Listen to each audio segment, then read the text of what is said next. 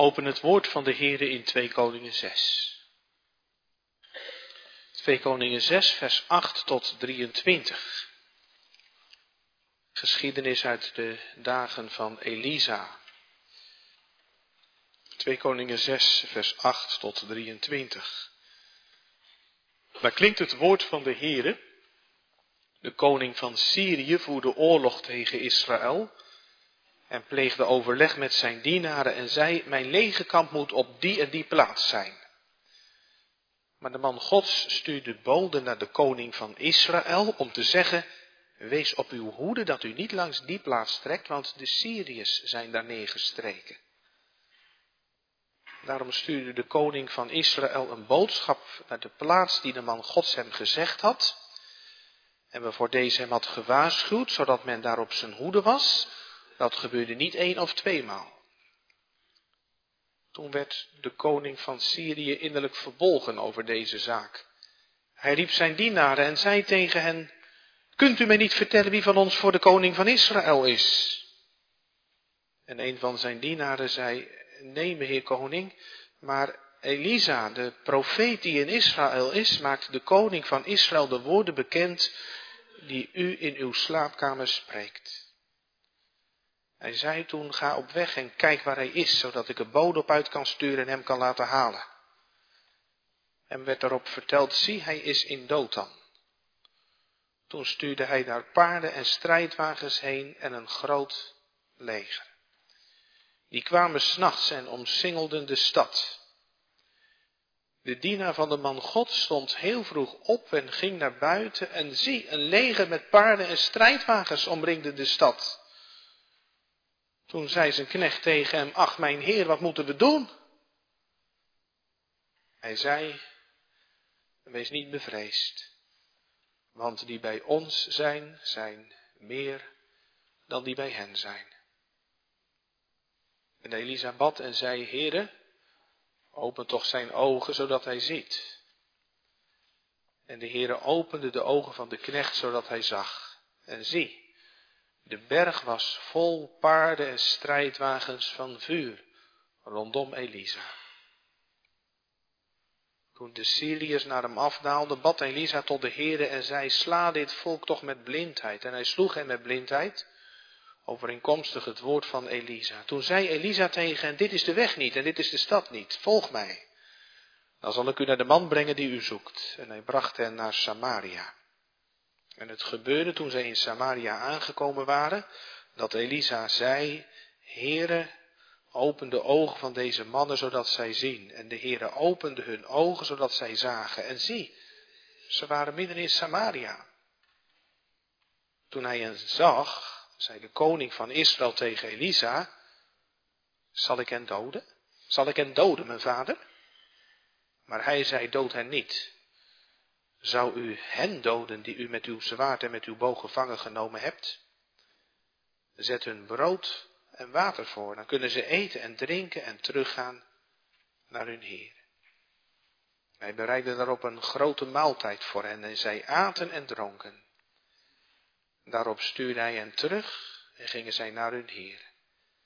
En de benden van de Syriërs kwamen niet meer in het land Israël terug.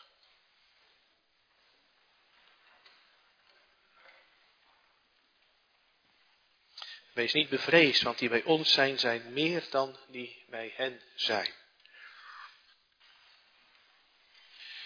Jongens en meisjes, waar denk je aan bij engelen? Misschien zeg je wel kerstfeest. Nou, dat is ook een van de eerste dingen waar ik aan denk als het gaat over engelen. De engelen zongen in het veld van Efrata, ere zijn God. En misschien dat je nog wel meer geschiedenissen uit de Bijbel weet, waarin het gaat over een engel of engelen. In de preek zullen er ook heel wat voorbij komen. Maar zijn er nu ook engelen?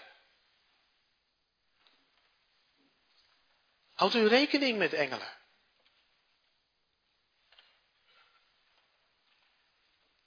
Als ik een eh, persoonlijke ontboezeming mag doen aan het begin van de preek, in mijn denken en in mijn geloven hebben engelen eigenlijk helemaal niet zo'n plek. Is dat niet gek als je kijkt hoe vaak het in de Bijbel gaat over engelen? Weet u hoe vaak het in de Bijbel gaat over engelen? 270 keer, dat is fors, toch? Het is in elk geval heel erg opvallend dat in artikel 12 van de Nederlandse geloofsbeleidenis een forse plek is ingeruimd voor de onzichtbare werkelijkheid, voor engelen en demonen. In de dagen van Guido de Bray was dat blijkbaar helemaal niet gek om het over engelen te hebben. In onze tijd is dat denk ik een beetje anders. Wij hebben, denk ik, te maken met, met twee bewegingen. Er is een tijd geweest waarin we eigenlijk alleen maar bezig waren met de zichtbare werkelijkheid. Met de dingen die je kunt pakken, die je kunt meten, die je kunt onderzoeken in het laboratorium. Uh, engelen horen dan niet bij ons wereldbeeld. Wij hebben niet een antenne voor de onzichtbare werkelijkheid. En engelen, die horen dan eigenlijk een beetje in het rijtje van de kabouters, heksen en Sinterklaas. Een fantasiewerkelijkheid. En de duivel is ook een fantasiefiguur. Tegelijk is er ook een andere beweging in onze dagen gekomen, want spiritualiteit mag weer. Denk alleen al aan Halloween. Afgelopen week. Een feest wat om de een of andere reden steeds populairder wordt. Mensen geloven steeds meer in spoken en geesten, buitenaardse wezens, ook in engelen.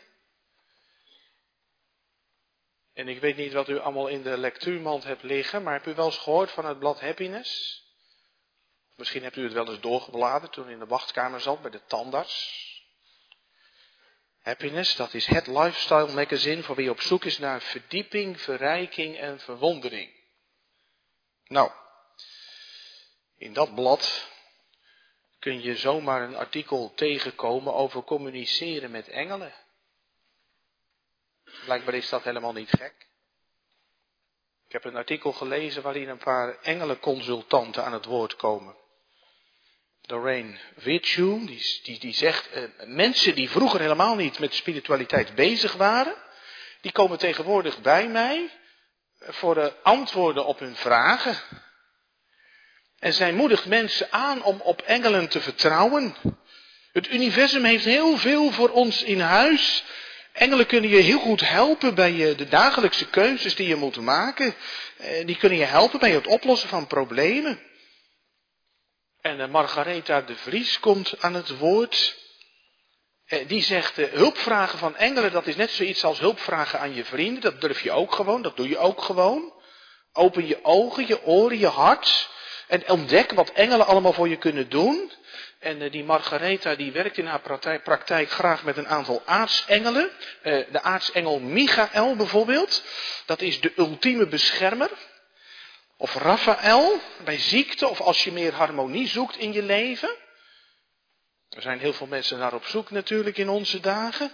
En uh, Ariel, als je op zoek bent naar jouw levensdoel. Dat is misschien ook wel heel verklaarbaar, hè, dat dat om de een of andere reden populair is. Want als je afrekent met God en met de Bijbel en met de kerk, ja, dan mis je eigenlijk een kompas in je leven. En dan is het toch wel fijn als je ergens ook hulp kunt inschakelen van een werkelijkheid die boven ons uitstijgt. En dan gelukkig zonder de hele mikmak van de kerk en alle kerkelijke regels erbij en zo. Nou ja, dat is even zeg maar de tijd waarin we leven. Aan de ene kant engelen die geen onderdeel uitmaken van ons wereldbeeld, aan de andere kant een nieuwe openheid naar eh, de wereld van de engelen en zo. Daarom is het misschien best goed dat we ons aan de hand van de Nederlandse geloofsbeleidenis bezinnen op de vraag wat zegt de Bijbel over engelen. Ik laat dus ook het een en ander liggen uit het artikel. In de catechismus gaat het ook over God de Vader als schepper en over de schepping. Uh, maar niet zozeer over de engelen. En daar hebben we dus vanavond met elkaar over. Thema voor de preek. Hij zal zijn engelen gebieden. En dan drie dingen. De taak van de goede engelen. De terreur van de gevallen engelen. En de troost van Jezus overwinning. Hij zal zijn engelen gebieden. De taak van de goede engelen. De terreur van de gevallen engelen. En de troost van Jezus overwinning. Als je de opdracht zou krijgen, teken eens een engel. Hoe zou je een engel tekenen? Ik ben eh, opgegroeid in de kerk waar jouw opa nou zit en jouw oma. En eh, dan keek ik altijd naar het orgel. En op het orgel stonden drie beelden. Eh, in het midden stond een eh, beeld van een zittende man met een harp. Dat was David, die heel veel psalmen heeft gemaakt. En links en rechts, daar stonden twee engelenfiguren met een bazuin aan de mond. Twee uh, lange, slanke mannen met een lang gewaad. Nou ja, ik denk als ik een engel zou moeten tekenen dat het zoiets zou worden. Maar misschien dat u wel uh, zo'n uh, engeltje zou tekenen die, tekenen die, die je tegenkomt in, in de kerstboom. Zo'n naakt, mollig babyjongetje met vleugeltjes met zo'n klein trompetje in zijn mond. Een lief engeltje, zeg maar. Nou, als dat het beeld is wat u hebt van engelen, dan helpt de Bijbel u heel snel uit de droom want denk maar aan soldaten bij engelen. God wordt de God van de hemelse legermachten genoemd. We hebben 2 Koningen 6 gelezen, waar eh, Elisa en zijn knecht omsingeld zijn door het leger van de Syriërs. En dan blijkt daar ineens nog een leger te zijn. Een leger dat Elisa beschermt. Vurige paarden en strijdwagens. En sterk dat die engelen zijn, u kent die geschiedenis wel. Dat uh, die ene engel in de dagen van Hiskia, als de Assyriërs Jeruzalem belegeren, in één nacht 185 Assyriërs, 185.000 Assyriërs dood. Dat is enorm. En uh, in de kerstgeschiedenis gaat het over een menigte van de hemelse legermacht. Worden militaire termen gebruikt. Een gigantisch legioen. En, en Daniel zegt dat ook, hè. Duizendmaal duizenden dienden hem. En tienduizendmaal tienduizenden stonden voor hem. Dus de Bijbel zet ons op het spoor van soldaten. En dat zegt dus ook iets over Jezus. Hè? Als zijn hofhouding al zo immens is, zo groot en machtig, hoe groot zal dan de koning zelf wel niet zijn? Wie is die vorst zo groot in kracht? Het is het hoofd van hemels legermacht. Hem eren wij met lofgezangen. Nou, waar komen engelen vandaan? Die zijn geschapen door God. God is niet alleen de schepper van de zichtbare werkelijkheid, maar ook van de onzichtbare wereld. In het begin schiep God de hemel en de aarde. En de, met de schepping van de hemel schiep God ook de hemelingen.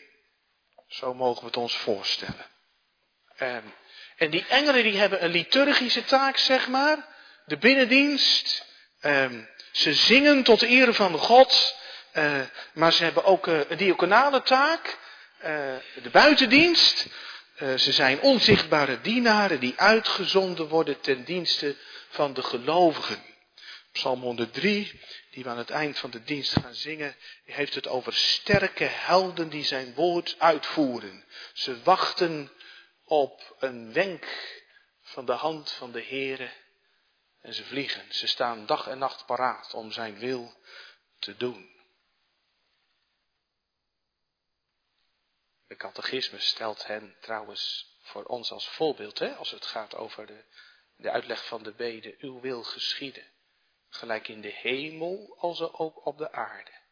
Dat wij net zo trouw ons werk doen, gehoorzaam zijn aan de Heere, als de engelen in de hemel. Nou, als het gaat over engelen is één ding heel belangrijk. Engelen zijn niet los verkrijgbaar. Ik vertelde net wat over happiness. Daar gaat het over engelen los van Jezus. Dat is volslagen onbijbels. De vraag is niet zozeer wat denkt u van de engelen, maar wat denkt u van de Christus? En Paulus zegt dat in 1 Korinthe 13, al was het dat ik de taal van de engelen sprak, dat ik met engelen kon communiceren en ik had de liefde niet.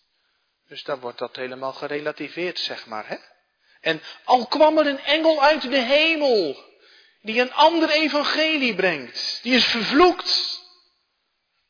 Paulus bedoelt maar te zeggen, niet een engel heeft het laatste woord, maar het woord van God.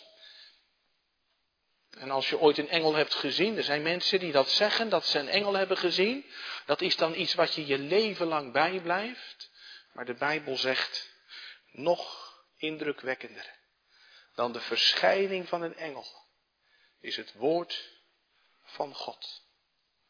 Want al was er een engel uit de hemel die u een ander evangelie brengt, die zei vervloekt, het woord van God heeft het laatste woord. Je hoeft niet te gaan wachten op de verschijning van een engel. Ik heb ook wel eens verhalen gehoord van, de, van mensen die eh, een engel hebben gezien en die daarvan alles en nog wat op proberen te bouwen. Ik denk aan die mevrouw die ziek was en die een engel had gezien. En die op grond daarvan heel goede hoop had. Dat er voor haar een plek zou zijn in de hemel. Maar gemeente, wat zegt dat als je een engel gezien hebt? Zonder Christus ga je nog verloren. Het gaat om de koning, niet om de knechten. Die engel die stond aan de rand van mijn bed. Ja, maar ik wou eigenlijk dat je iets anders gezien had. Misschien iets van je schuld. Omdat je dan ook oog had gekregen voor het lam van God dat de zonde van de wereld wegdraagt. Is het u wel eens opgevallen in de kerstgeschiedenis? Als de engelen, die het eerder zij God hebben gezongen, teruggegaan zijn naar de hemel, wat dan de herders zeggen. Dan zeggen ze niet, wij hebben een engel gezien. En wat had hij een mooie stem. En wat was het een indrukwekkende verschijning. Maar ze zeggen, laten we naar Bethlehem gaan en laten we zien het woord dat er geschied is. Dat de Heere ons bekend gemaakt heeft. Dus al die engelen vallen weg. En het woord van God, dat blijft over. Kijk, dat zijn de juiste verhoudingen. En de Bijbel heeft het toch heel vaak over engelen, hè? En dat is tot troost. De Bijbel heeft het niet alleen maar over demonen. Er zijn niet alleen maar demonen, er zijn ook de engelen. Ik probeer kort op te sommen wat engelen allemaal doen. Zij bewaken Gods heiligheid. Denk even aan de gerubs die bij de ingang van de Hof van Eden staan als Adam en Eva verdreven worden en niet meer naar de boom des levens mogen. Ze bedekken trouwens ook het verzoendeksel. Ze bewaken Gods heiligheid. Ze bejubelen de naam van God. De serafs rond de troon in het roepingsvisioen van Jezaja. Met die zes vleugels. Met twee bedekken ze hun gezicht. Met twee vliegen ze. En met twee bedekken ze hun voeten. En ze roepen onafgebroken uit. Heilig, heilig, heilig is de Heere van de legermachten. Heel de aarde is vol van zijn heerlijkheid. En het geluid zorgt ervoor dat de deurposten en de drempels trillen. We kunnen denk ik veel van de engelen leren als het gaat over de heiligheid van God. Wij kunnen zo hopeloos oppervlakkig en alledaags praten over de Heer. Het is op die engelen die nooit gezondigd hebben hoe zij zich gedragen tegenover de heilige God. Engelen zijn in de Bijbel ook de boodschappers van Gods wil. Denk aan Genesis 18. Daar krijgt Abraham bezoek en er wordt er meegedeeld door een hemelbode over een jaar zal Sarah een zoon hebben. En Gabriel natuurlijk, hè, die bij Zacharias komt. En bij Maria. En er zijn meer voorbeelden. Engelen bestraffen ook de goddelozen. Zij voeren de straf uit. Denk aan de verderfengel in Egypte. Overal waar geen bloed aan de deurpost zit, doodt die engel de oudste zoon.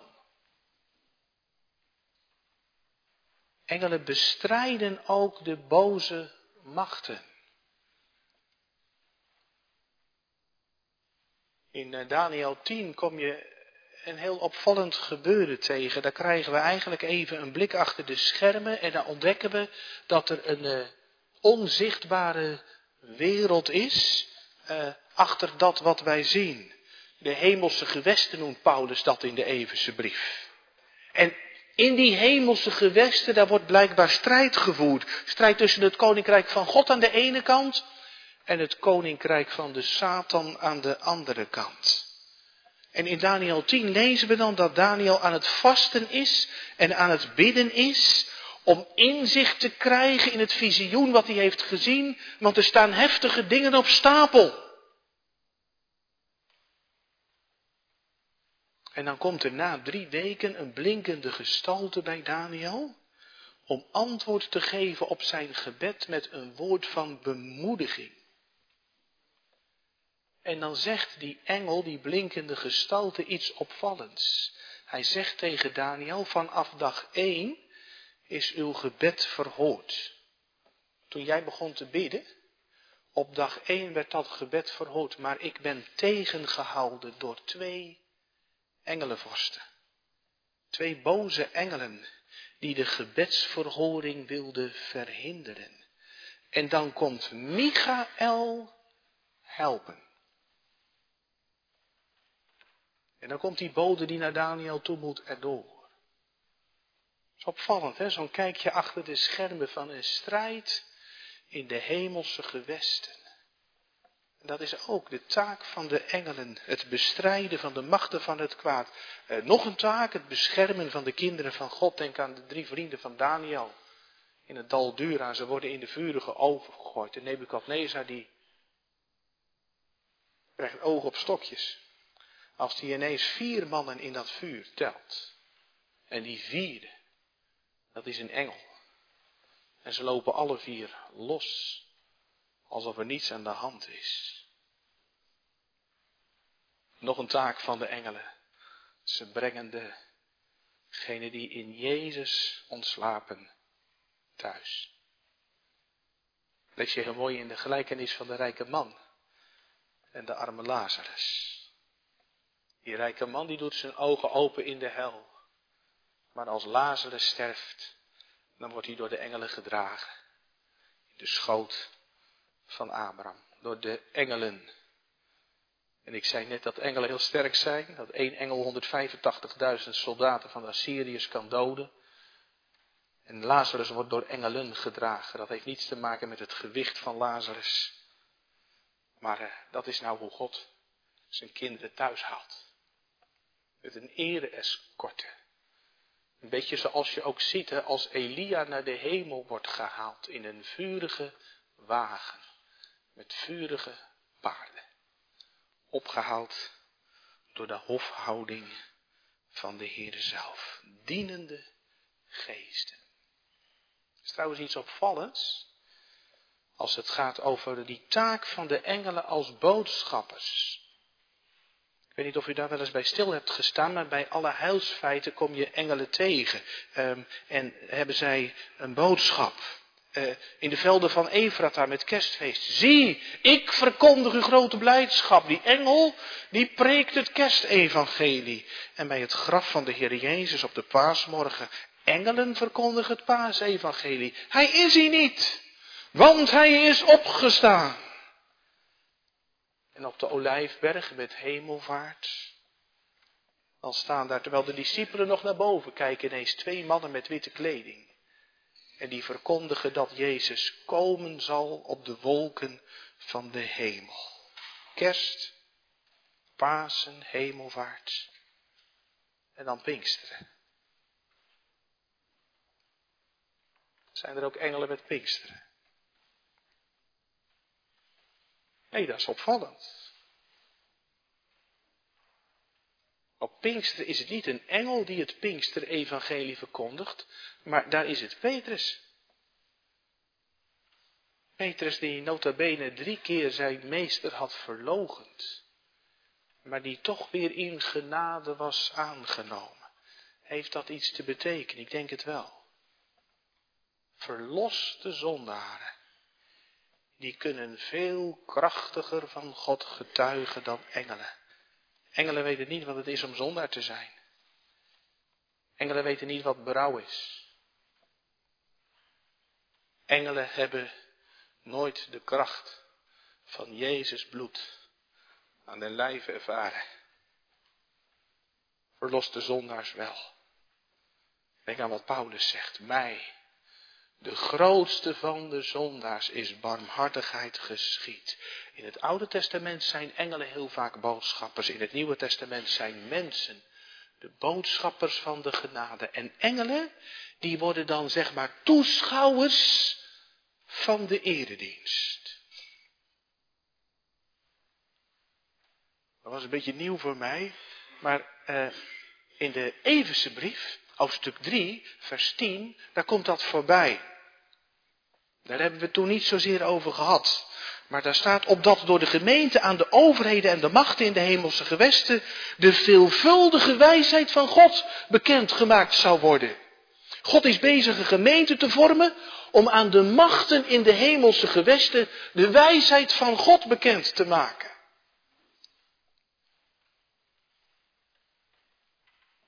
Engelen zijn blijkbaar heel geïnteresseerd in het verlossingswerk van God. Ze kunnen God beter groot maken als ze vol verwondering zien wat het evangelie op aarde uitwerkt. Wat God doet in het scheppen en bewaren van de gemeente. Daarom staat ook in de Bijbel dat er blijdschap is in de hemel over iedere zondaar die zich bekeert. Vol spanning kijken de engelen uit, ook vandaag. Wat er gebeurt met het evangelie dat uitgaat. Heerlijk om te bedenken. apostel Petrus zegt dat trouwens ook, hè, dat de engelen begeren een blik te slaan in wat God bezig is te doen. Ze verlangen naar de volle openbaring van het heil. Ze verlangen om te zien hoe de veelkleurige wijsheid van God zichtbaar wordt in de zaligmaking van zondaars zoals u en ik. Bijzonder om te bedenken. En, en dus ook om te bedenken dat de engelen ten dienste staan van de gelovigen. Dienende geest, ik haalde die tekst al aan uit Hebreeën 1, uitgezonden ten dienste van hen die de zaligheid zullen beërven. Op allerlei manieren hebben ze blijkbaar hun taak. Misschien hebt u dat wel eens gehoord van uh, uh, moslims op het uh, zendingsveld, die in een visioen een engel te zien krijgen. Zodat ze op het spoor worden gezet van de schrift. Of uh, misschien las u ook zoals zoveel uh, dat boek Godsmokkelaar van Anne van der Bijl. Bijzondere gebeurtenissen keer op keer. Zou dat niet te maken hebben met de engelen? Hoe zij je ogen sluiten van de douaniers. Hoe God ze inzet om zijn werk te doen. Maar ook gewoon in uh, het leven van iedere gelovige. Hoe zegt de catechismus dat ook alweer? Dat zonder de wil van mijn hemelse vader nog geen haar van mijn hoofd kan vallen. Wij zeggen misschien wel eens, ik heb geluk gehad. Liep net goed af. Misschien is het toch bijbelser om te zeggen, God heeft zijn engelen bevel gegeven om mij te bevrijden. U kent misschien dat beroemde verhaal van uh, dominee Smijtegeld, een oudvader. Middelburg, hij waarschuwde voor uh, drankmisbruik in zijn dagen. En de twee mannen uit de gemeente die konden dat niet hebben. En die spraken af, we gooien hem s'avonds in de gracht. En op een avond werd er bij dominee Smijtegeld op de deur geklopt. Er ligt iemand op sterven, wilt u komen? Het was een list. En dominee Smijtergeld uh, trok zijn jassen aan en kwam bij een uh, bruggetje. En daar ziet hij twee mannen staan die naar hem kijken in het donker. Maar er gebeurt helemaal niets. Een aantal jaar later komt een van die twee mannen tot bekering. En die heeft verteld, die avond waren we van plan om u in de gracht te gooien. Maar we durfden niet, omdat er twee lichtende gestalten om u heen waren. Hij zal zijn engelen gebieden. Nou, een deel van de engelen is gevallen. De zondeval van de engelen, die heeft plaatsgevonden voor de zondeval van de mens. Onder aanvoering van de Satan is een aantal engelen in opstand gekomen tegen de Heer. Je leest dat in de brief van Judas. En die duivel en zijn demonen, de engelen van de duivel, die moet je niet onderschatten. Als één engel 185.000 soldaten kan doden, onderschat dan de demonen van de duivel niet. De demonen hebben één passie. En dat is uh, kort en goed jou naar de hel slepen.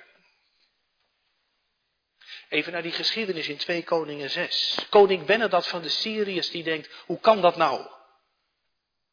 Elke keer als ik een plan heb bedacht om de Israëlieten aan te vallen, dan, dan, dan zijn we al ontdekt. Er is verraad in het spel. En iemand weet te vertellen, nee, dat heeft te maken met de profeet die in Israël is. Met de man die de woorden van God doorgeeft. En Benadat stuurt dan een heel leger naar Dothan. Om een ongewapende man te vangen. Niet een vuurwapen gevaarlijke Elisa.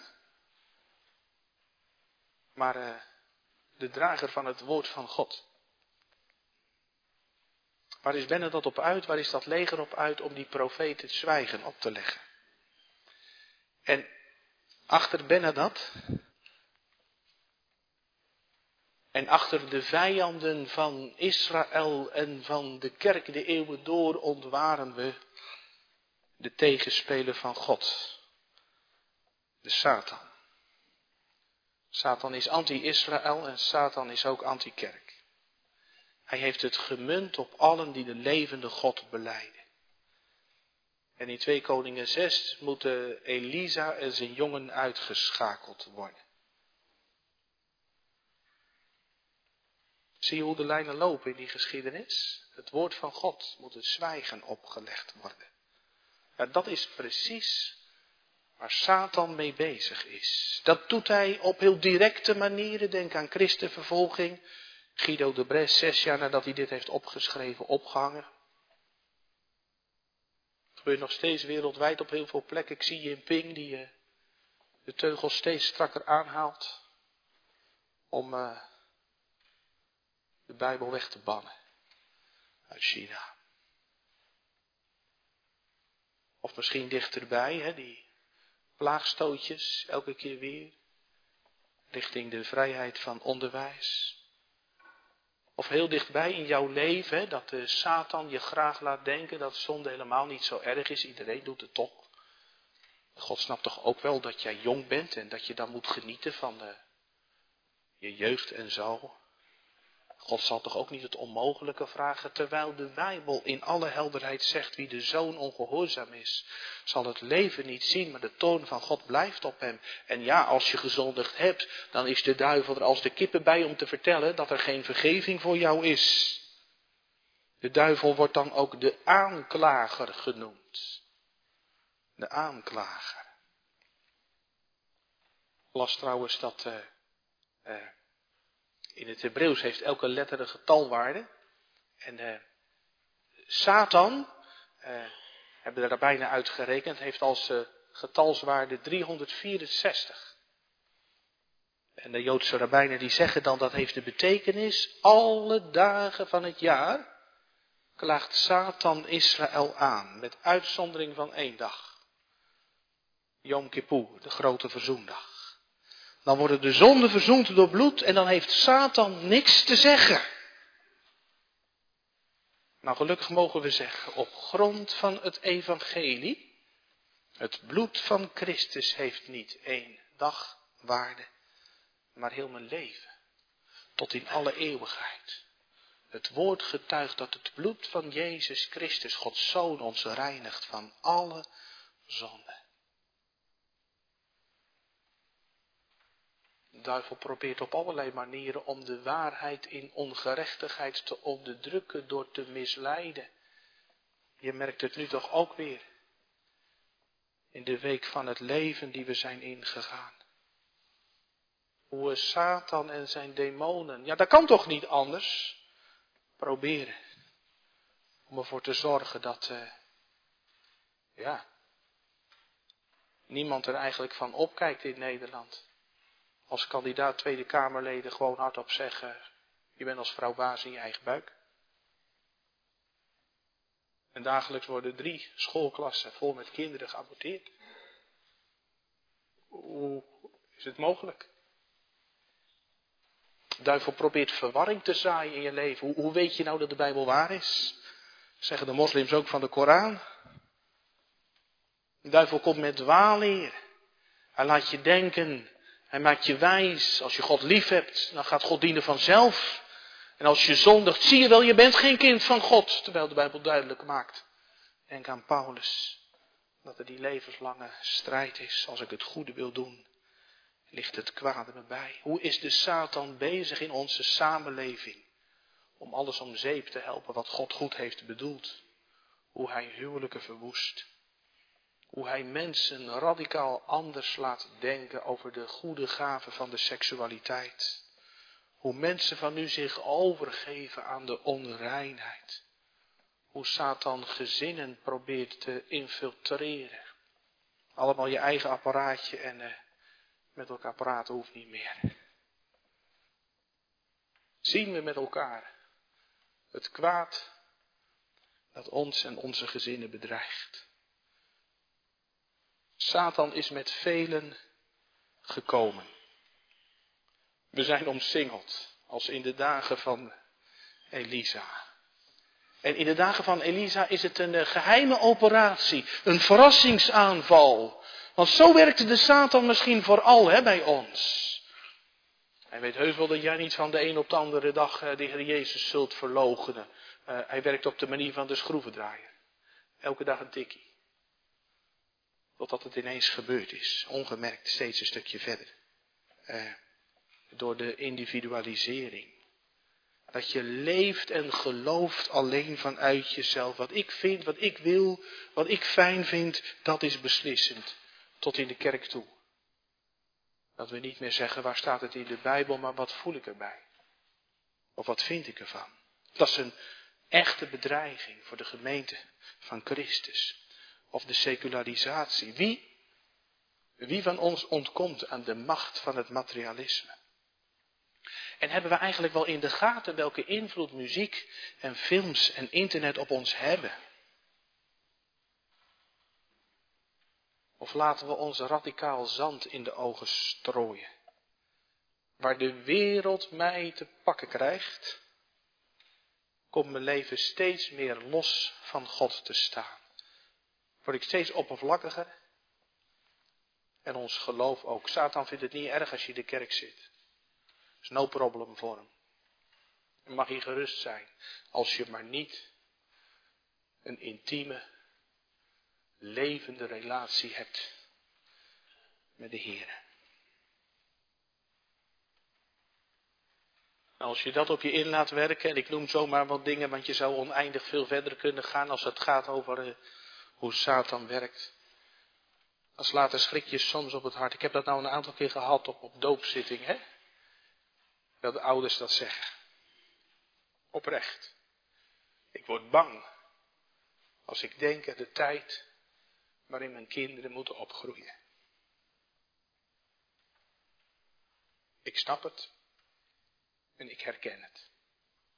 Maar het evangelie van vandaag is die bij ons zijn, zijn meer dan die bij hen zijn. Er zijn niet alleen kwade machten, maar Gods leger is er ook. En Satan, hij beeft, want hij weet, Jezus leeft. Op Golgotha heeft hij niet alleen maar voor al mijn zonden volkomen betaald maar hij verlost mij ook uit alle heerschappij van de duivel. Jezus heeft de kop van de slang vermorzeld.